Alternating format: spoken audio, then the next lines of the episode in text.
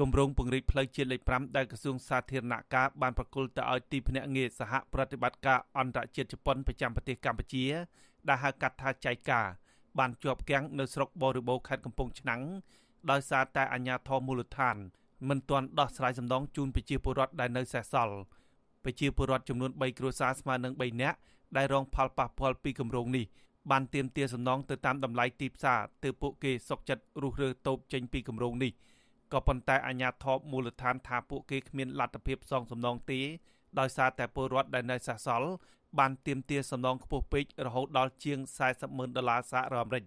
អតីតជំទប់ទី1ឃុំពន្លៃស្រុកបរិបូរខេត្តកំពង់ឆ្នាំងលោកហេងប៊ុនហៀងប្រាប់អាស៊ីសេរីថាតូបរបស់លោកមានទំហំ10ម៉ែត្រ4ជ្រុងមានទីតាំងនៅផ្សារពន្លៃជាប់នឹងថ្នល់ជាតិលេខ5លោកថាតូបនេះលោកបានជួលពីមន្ទីរហេរ៉ាញ់វត្ថុខេត្តកំពង់ឆ្នាំង កាលពីឆ្នាំ1996ដោយចុះកិច្ចសន្យាជួលរយៈពេល50ឆ្នាំប៉ុន្តែមិនទាន់ចប់កិច្ចសន្យាជួលផងអញ្ញាធរបានបង្ខំឲ្យលោករុះរើតូបចេញដោយលើកហេតុផលថាដើម្បីពង្រីកផ្លូវជាតិលេខ5លោកបញ្ជាក់ថាលោកសុកចិត្តរុះរើតូបនេះចេញក៏ប៉ុន្តែអាជ្ញាធរត្រូវតែផ្ដល់សំណងទៅតាមទីផ្សារហើយតម្លៃដែលបានសន្យាផ្ដល់កន្លងមកចំនួន4000ដុល្លារសហរដ្ឋអាមេរិកមិនអាចឲ្យលោកយកទៅកសាងជីវភាពបានទេ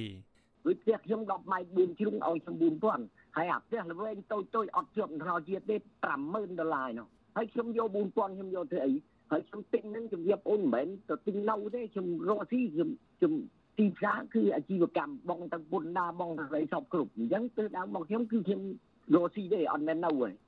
អញ្ញាធរស្រុកបរិបូរខេត្តកំពង់ឆ្នាំងកាលពីថ្ងៃទី26បានយកគ្រឿងចាក់មកឈូសឆាយតូបដែលនៅសេសសល់ចំនួន3 ដែលជាកម្មសិទ្ធិរបស់ប្រជាពលរដ្ឋចំនួន3គ្រួសារដើម្បីពង្រីកគម្រោងផ្លូវជាតិលេខ5ប៉ុន្តែគម្រោងឈូសឆាយនោះត្រូវបានអាក់ខានមកវិញអ្នកសម្របសម្រួលសមាគមសិទ្ធិមនុស្សអាត6ខេត្តកំពង់ឆ្នាំងលោកសំច័ន្ទគៀបមានប្រសាសន៍ថាគម្រោងអភិវឌ្ឍណាមួយ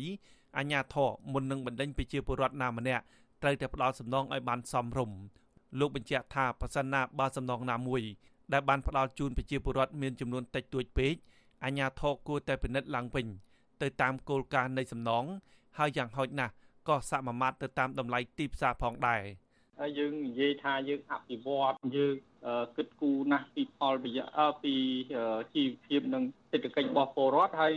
យើងផ្ដល់សំណងមួយដែលធ្វើឲ្យគាត់មិនអាចទៅទិញអីបានធ្វើឲ្យជីវភាពក្រីក្រទៅទៀតហ្នឹងអាហ្នឹងវាផ្ទុយទៅនឹងទ្រឹស្ដីនិងឆន្ទៈរបស់រដ្ឋាភិបាលក្នុងការអភិវឌ្ឍនឹងហើយបាទ អភិបាលស្រុកបរិបូរលោកយឹមសរិននិយាយថាលោកមិនបានដឹងលម្អិតអំពីគម្រោងនេះទេដោយលោកបានតម្រូវឲ្យទៅសួរអភិបាលរងស្រុកវិញអាស៊ីសេរីបានព្យាយាមតាក់ទងអភិបាលរងស្រុកបរិបូរលោកប៉ាត់សវណ្ណតែលោកមិនលើកទូរស័ព្ទកាលពីថ្ងៃទី28ខែមេសាតែទោះជាយ៉ាងណាជំទប់ទី1ឃុំពន្លៃ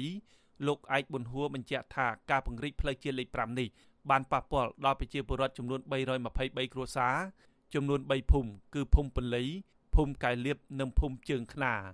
លោកថាក្នុងចំណោមប្រជាពលរដ្ឋទាំងជាង300គ្រួសារនោះពួកគេបានសុកចិត្តទទួលយកសំណងអស់ហើយនៅសល់តែប្រជាពលរដ្ឋចំនួន3គ្រួសារប៉ុណ្ណោះមិនទទួលយកសំណងដោយសារតែពួកគេទាមទារតម្លៃខ្ពស់ពេករហូតដល់ជាង40ម៉ឺនដុល្លារសហរដ្ឋអាមេរិកលោកថាអាញាធរស្រុកមិនអាចដោះស្រាយបានទេហើយបានបញ្ជូនសំណើនេះទៅថ្នាក់ខេត្តឲ្យដោះស្រាយវិញគាត់ថាបើគាត់ចេញ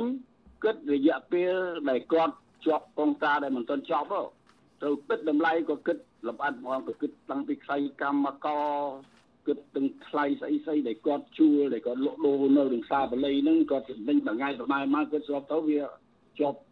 47ម៉ឺនដុល្លារនោះបើដល់គិតជាសាច់លុយនោះវាដូចយើងពោះពេកអានេះគឺចំពោះហេតុវិធាគាត់ថាភាពមិនប្រឹងដល់ណាប្រឹងទៅ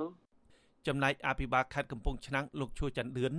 មិនលើកទូរស័ព្ទកាលពីយប់ថ្ងៃទី28ខែមេសា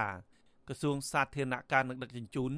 មានគម្រោងធ្វើឲ្យប្រសើរឡើងវិញនៅផ្លូវជាតិលេខ5ឬផ្លូវអាស៊ាន Highway លេខ1ដែលមានប្រវែង360គីឡូម៉ែត្រហើយគម្រោងនេះនឹងចំណាយថវិកាប្រមាណជាង240លានដុល្លារសហរដ្ឋអាមេរិកដោយឆ្លងកាត់ខេត្តកណ្ដាលកំពង់ឆ្នាំងពោធិ៍សាត់បាត់ដំបងនិងខេត្តបន្ទាយមានជ័យ គម្រោងនេះក្រោមកម្ចីអនុទានសម្បទានពីរដ្ឋាភិបាលជប៉ុន តាមរយៈទីភ្នាក់ងារសហប្រតិបត្តិការអន្តរជាតិជប៉ុនកម្ពុជា ការស្ថាបនាគម្រោងនេះបែងចែកជា3ផ្នែកធំធំ ផ្នែកខាងលើ ផ្នែកកណ្ដាលនិងផ្នែកខាងត្បូងដោយមានការពង្រីកកំណត់ផ្លូវជាតិដែលមានស្រាប់ចំនួនពី2គន្លងទៅ4គន្លងវិញមានទទឹង23ម៉ែត្រជាប្រភេទផ្លូវបេតុងកស៊ូនិងមានសួនច្បារនៅចំកណ្ដាលទៀតផងខ្ញុំបាទហេងរស្មី អាស៊ីសេរីពីរដ្ឋធានី Washington